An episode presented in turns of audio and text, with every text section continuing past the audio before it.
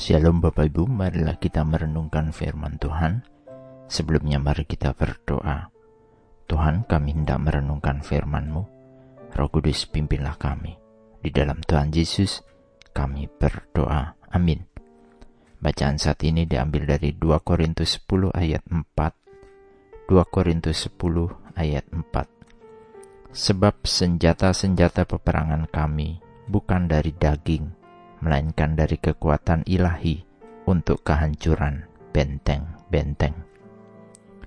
Sebagai orang percaya, hidup kita ada dalam peperangan secara rohani melawan penguasa kejahatan.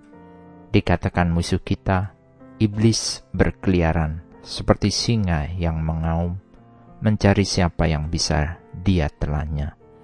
Dan ada banyak bukti tipu muslihat musuh yang digunakan untuk menyerang dan membinasakan kehidupan banyak orang percaya.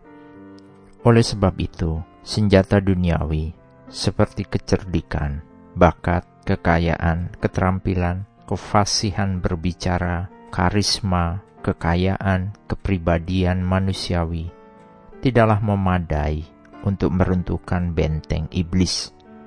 Iblis lebih cerdik sehingga mampu memperdaya manusia kita tentunya pernah membaca tentang kejatuhan manusia ke dalam dosa karena kecerdikan iblis yang digambarkan sebagai ular dalam bacaan Kejadian 3 ayat 1 hingga 6. Untuk memenangkan peperangan ini diperlukan senjata, seperti dalam bacaan saat ini, bukan dari daging, melainkan dari kekuatan ilahi. Iblis tidak pernah berhenti mencari kelemahan manusia.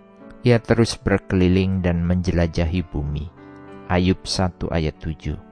Maka bertanyalah Tuhan kepada iblis, "Dari manakah engkau?" Lalu jawab iblis kepada Tuhan, "Dari perjalanan mengelilingi dan menjelajahi bumi." Peperangan ini hanya dapat dimenangkan oleh senjata bukan dari kedagingan, 1 Tesalonika 5 ayat 8 menuliskan, Namun, karena kita adalah anak-anak siang, marilah kita sadar, mengenakan baju jirah iman dan kasih, dan memakai ketopong pengharapan akan keselamatan. Gambaran kekuatan ilahi adalah iman, kasih, dan pengharapan yang berasal dari Tuhan saja. Senjata ini sangat ampuh oleh karena bersifat rohani dan berasal dari Tuhan sendiri. Kita seharusnya tidak tergoda untuk menggunakan taktik manusia yang sama untuk melawan tipu daya iblis atau praktik manipulatif duniawi. Kita harus menggunakan senjata rohani yang telah Allah buktikan untuk semua anak-anaknya. Senjata peperangan rohani kita adalah sabda Tuhan yang senantiasa kita baca pahami dan taati. Kita hendaknya memiliki hati yang tunduk dan lutut yang bertekuk yang memohon pertolongan Tuhan untuk senantiasa menjaganya.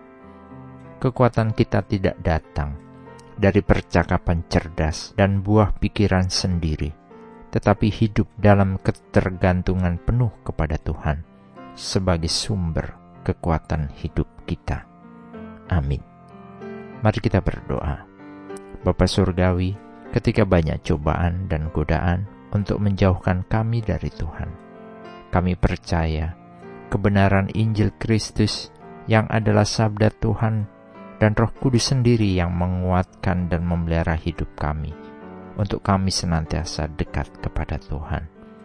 Tolong kami untuk menjaga perkataan, pikiran, hati, dan perbuatan kami agar mencerminkan kebenaran firman-Mu saja.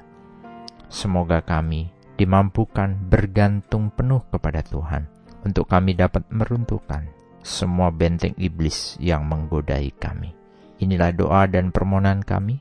Di dalam Tuhan Yesus, kami senantiasa berdoa. Amin. Tuhan Yesus memberkati. Shalom.